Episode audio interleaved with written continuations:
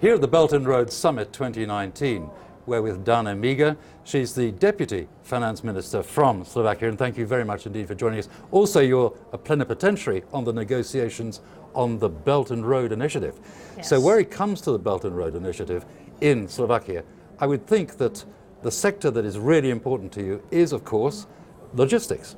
It is exactly it. We started with understanding the transportation routes to be the most important for enhancing, boosting the global economy, which is exactly what we need to do. But over the years, that whole BRI project evolved into something very special. I think it became an economic, a new age economic principle. And at the same time, I understand the Belt and Road project as a global network of not only transportation, but economic corridors. Because when you look what is important is the only value, value we have are people. So people are the customers, they consume, the corporations produce, the goods need to be produced, the goods need to be transported. But how do we do it? We need vehicles, we need roads, fine, that's infrastructure. Let's look into the future and let's see it more to be an economic network of corridors. So, what would you say would be the success elements that are already involved in the Belt and Road in Slovakia?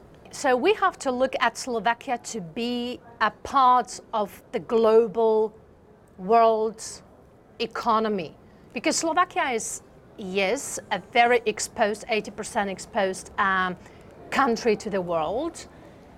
But on the other hand, it is a small country, and the volume of the production, the capacity that we can offer to the world, we can't compare to giants like China, India, Brazil, and other big countries. That is where Slovakia can offer, be a part of the global game being the heart of Europe and also being the vehicle for others to go through.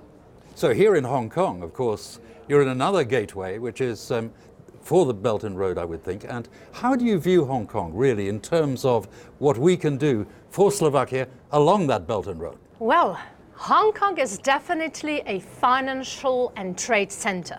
There's no doubt about it. So, I do think Hong Kong is a gateway.